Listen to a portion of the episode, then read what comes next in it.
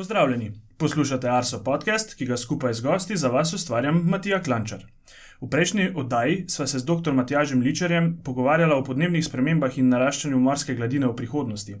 Vabljeni tudi k poslušanju vseh preteklih epizod, ki jih najdete na naši spletni strani. Najdete nas tudi na družabnih omrežjih, na Twitterju smo Meteosi, na Facebooku pa smo Arso Vreme. Če bi v prihodnje želeli slišati kakšno posebno tematiko, nam pustite kakšno sporočilo. V veliko pomoč pri širjenju naše besede so tudi ocene na Apple Podcasts, vse komentarje, pripombe in predloge pa nam lahko sporočite na elektronski naslov podcast.arso.afna.gov.si. Tudi danes bomo nadaljevali zgodbo podnebnih sprememb. V začetku novembra je na medmrežju zaokrožila zahteva slovenskih raziskovalcev za sprejetje takojšnjih ukrepov za blaženje podnebnih sprememb in prilagajanje na nje. Pismo, ki je bilo naslovljeno na odločevalce, so oblikovali štirje mladi znanstveniki, ki delujejo na področju meteorologije in pa klimatologije. Z mano danes je eden izmed snovalcev pisma, dr. Žiga Zaplotnik, ki prihaja iz Fakultete za matematiko in fiziko Univerze v Ljubljani. Zdravo, Žiga. Pozdravljen, živijo. Uh, omenil sem, da ste bili štirje, ki ste ta glavni podpisniki tega pisma, pa me zanima, če lahko na začetku samo na kratko predstaviš še ostale tri glavne podpornike. Ja, drugi trije podporniki, oziroma drugi trije snovalci pisma, če smo bolj uh, natančni, ker so vsi ključno pomagali k temu, da je pismo prišlo v medije in pa tudi do državnih organov, tako kot je.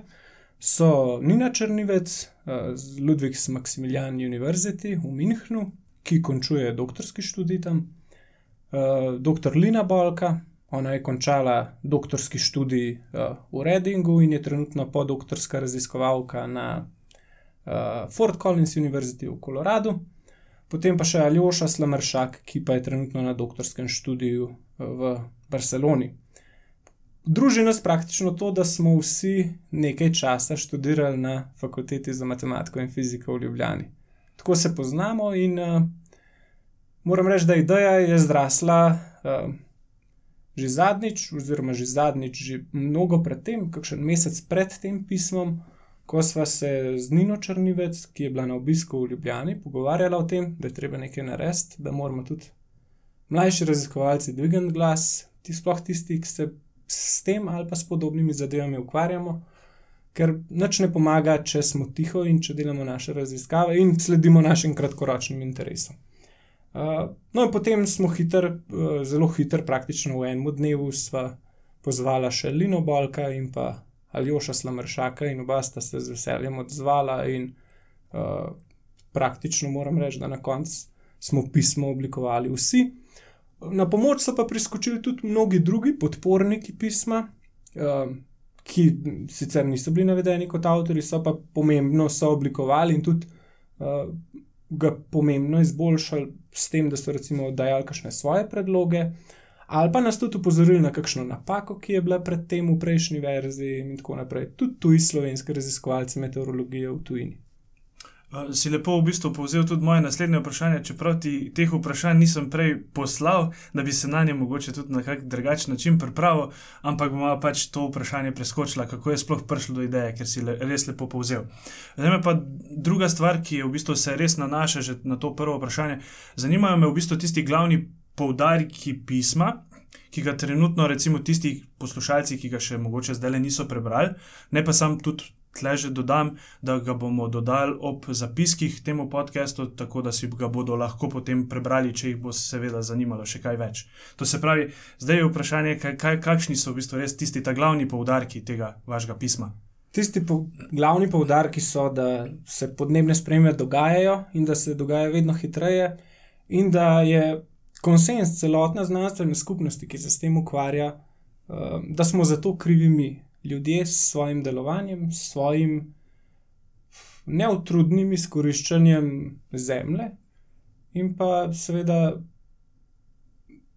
ljudje, ki ne spremenjamo nečesa, kar vemo, da bi mogli spremeniti. Tako da pozvali smo k takojšnjim ukrepom, k takojšnjim ukrepom, da se začnejo dogajati spremembe, da zmanjšamo naš ogličen odtis, da zmanjšamo emisije ugljikovega dioksida v zraku, ki vemo, da je eden izmed uh, najpomembnejših toplogrednih plinov. Uh, drugi, seveda, vodna para, ampak naraščanje vodne pare v zraku je posledica naraščanja ugljikovega dioksida, da smo na jasnem. No, vse te stvari so nas pripeljale do tega, da je treba napisati in da je treba zahtevati takojšnje ukrepe. Če ne bomo takoj, zahte, če ne bomo takoj sprejeli ukrepov za zmanjšanje emisij oglikovega dioksida, lahko pripeljemo klimatski sistem v stanje, ki ga ne poznamo in ki je potencialno zelo nevarno zaradi mnogih povratnih zank. Uh, in seveda, ker nam je mar za naše naslednike, naše potomce, konec koncev samo dve majhnih črki in tudi to je botrovalo k temu, da sem se odločil, da to pismo napišemo. Um, eden izmed uh, teh poudarkov je bil v bistvu tudi to, da je uh, vključevanje same v bistvu, okoljske in pa podnebne problematike v obvezen del učnih programov na vseh ravneh izobraževanja. Lepo si že v bistvu dal istočnico v to, da si sam oče dveh otrok, tudi sam, jaz sem oče dveh otrok in še prekmalo bodo stopili v, v, to, v ta sistem izobraževanja. Zdaj, mogoče, a imaš že kakšno idejo, kako bi recimo samim učiteljem, kako bi sploh. Uh, ta vključevanje v učne načrte šlo, ali bi potem tudi mi sami uh, iz našega področja, tisti, ki ste, smo strokovnjaki na tem področju, uh, potem izvajali nekakšna uh, izobraževanje za same učitelje, za same ravnatelje, mogoče, da bi potem, kako bi ti upletel to okoljsko in podnebno politiko v sam učni načrt. No, nekaj, nekaj tega, bi rekel, neformalnega izobraževanja že imamo. To so razna poljudno-znanstvena predavanja, ki jih že izvajamo, potem delavnice uh, za dijake, uh, predvsem tiste, ki jih zanima fizika, matematika, na uh, fakulteti za matematiko in fiziko. Recimo, po zimi smo imeli uh, zimsko šolo fizike, zdaj smo imeli poletno šolo fizike in na tej poletni šoli fizike, obakrat sem sodeloval. No, na poletni šoli fizike sem pa pripravil istoimensko delavnico fizika podnebnih sprememb. -huh. Tako da uh, nekaj na tem že delamo, in odzivi so zelo pozitivni. Uh, je pa res, da je treba doseči večji, uh, večji krok ljudi. Moram reči tudi tako, da mladi se tega problema, mislim, da kar dobro zavedajo. Ampak mladih je vedno manj. Demografska piramida nam pri tem ne gre na roko, ker tudi ni več piramide. Ja, tudi sam lahko potrdim, drugač, da s kolegi, ko se pogovarjamo tudi iz drugih držav, da je vedno več tistega zavedanja, da smo mladi tisti, ki lahko še nekaj spremenimo v tem svetu, tako za nas same, kot za naše potomce, in da je vedno več tudi raznih podnebnih in uh, uh, shodov. V, v to, drugač, da se opozarja odločevalce, konec koncev so oni tisti, ki lahko, ki imajo možnost in ki imajo dožnost nekaj spremeniti, drugač, da bi Eh, pač to stvar zapeljali nekam naprej. No, tukaj bi mogoče dodal, pomembna sta dva aspekta. Pomemben je osebni aspekt, to pomeni, kaj bomo sami spremenili. In pomemben je drugi, sistemski aspekt. Kako, kako bomo spremenili sistem, da bodo vsi ti ukrepi vzdržni. Zdaj na osebni ravni vsak sam lahko zmanjša energijo preprosto. Recimo, nekaj energije se da prihraniti tako, da si boljše izoliramo hiše. Nekaj energije se da prihraniti na ta način, da je naša temperatura v stanovanju nižja. Nekaj energije, oziroma kar pomemben del energije, se da prihraniti tako, da se recimo vozimo skupaj na delo, da uporabljamo javni prevoz in tako naprej. Vse to so stvari, ki seveda posamezniku omogočajo, da zmanjša svoj oglični odtis. Pa recimo naročanje ali kupovanje hrane, izdelkov iz tujine, ki morajo biti transportirani čez dolge razdalje, zato da pridejo k nam ali pa na naš krožnik. To, eni, to je en aspekt. Drugi aspekt je sistemski. Zdaj, posameznik sam, ki se recimo odloči za oglično manj intenzivno življenje, gre veliko krat sebi na škodo. Javni promet, recimo, pri nas ni najboljši in nekdo, ki se bo odločil za javni promet, zato da bo zmanjšal emisije, bo seveda šel sebi v škodo s tem, prvič, ker bo plačal približno enako, drugič pa zaradi tega, ker, zaradi tega, ker ne bo porabil nič. Uh, porabil bo več časa, čisto preprosto, porabil bo več časa za isto pot. Tako da mi smo predlagali recimo subvencije za prevoz. Na ta način bi kar naenkrat mogoče javni promet postal cenejši, dostopnejši in ljudem bi se že splačal.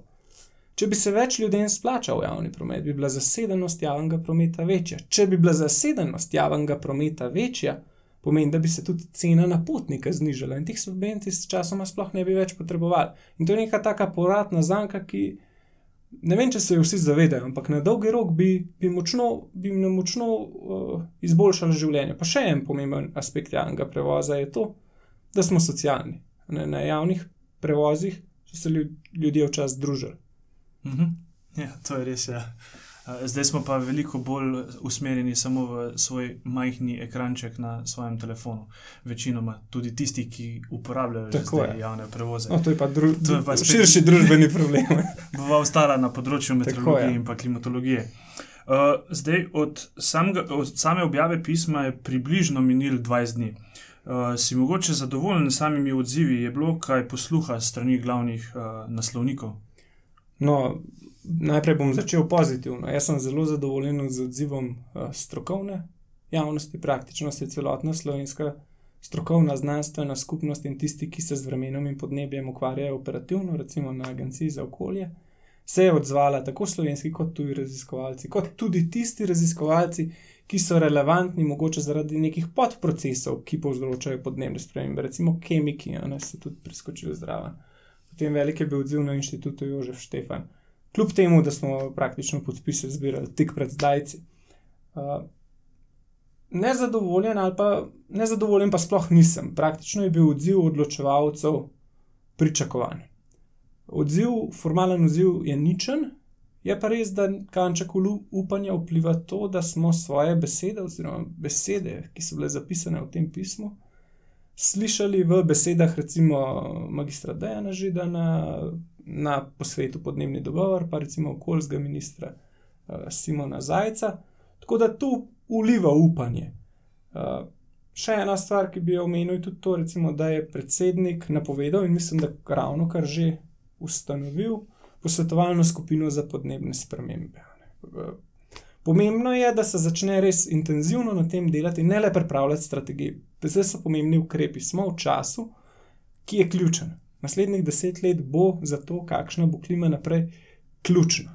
In um, ja, moramo začeti delati mm, na spremembah in to zelo intenzivno. Se mi zdi, drugač, da že, že nekaj časa, že nekaj, mogoče nekaj let, oziroma kako desetletje, že spremljamo tukaj tudi pri nas razne raziskave, kaj naj bi podnebne spremembe v bistvu lahko povzročile v bistvu za, za nas same.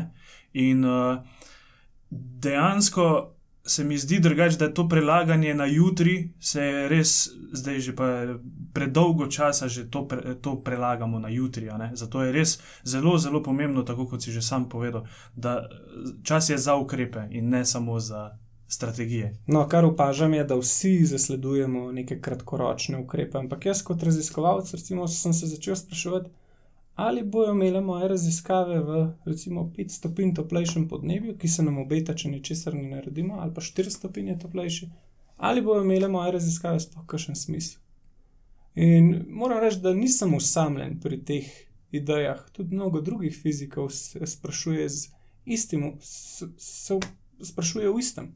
Torej, kaj je namen vseh teh raziskav, kaj je namen nekega bogatenja, če mogoče že čez 30, 40, 50 let, mogoče ne bomo imeli več na voljo niti tistih osnovnih stvari. Seveda, zdaj predpostavljamo, da pride do nekih nelinearnih efektov, ki jih ne znamo napovedati, ampak so pa možni.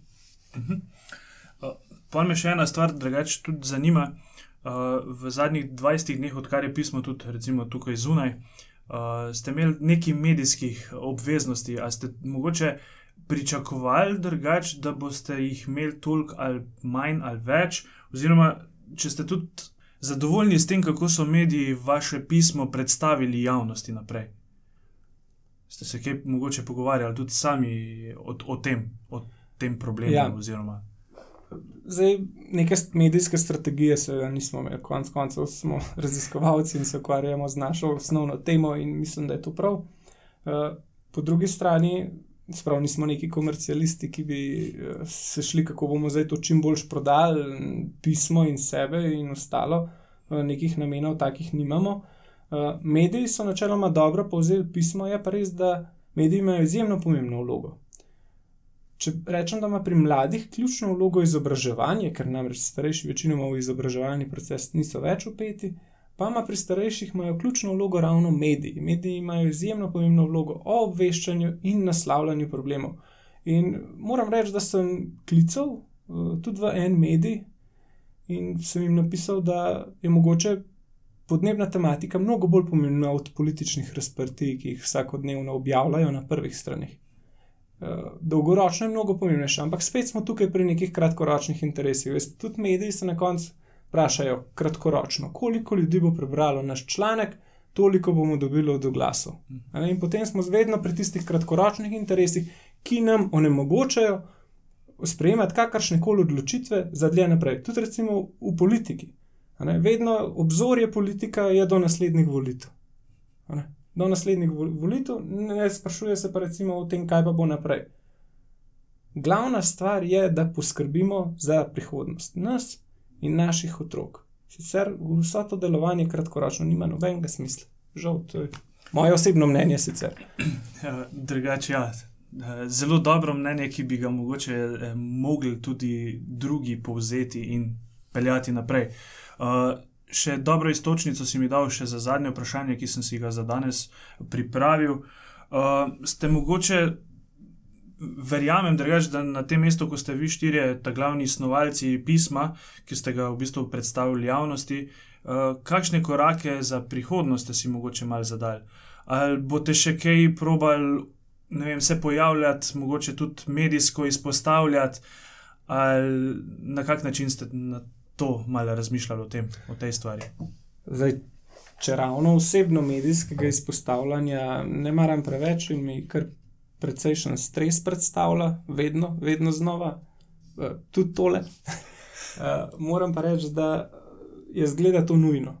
In zgleda bomo tudi uh, znanstveniki, raziskovalci in tisti, ki se s klimatologijo ukvarjajo, mogli priti iz varnega zavetja svoje pisarne, svojih ekranov pred ljudi in povedati, kaj bo in kaj, bo, kaj je in kaj se bo zgodilo, če ničesar ne ukrenemo. Uh, Tako da mi smo si zamislili, ja, še nekaj nadaljnih korakov, ki jih tukaj še ne bi delil. Vas bomo spremljali? Uh, hvala.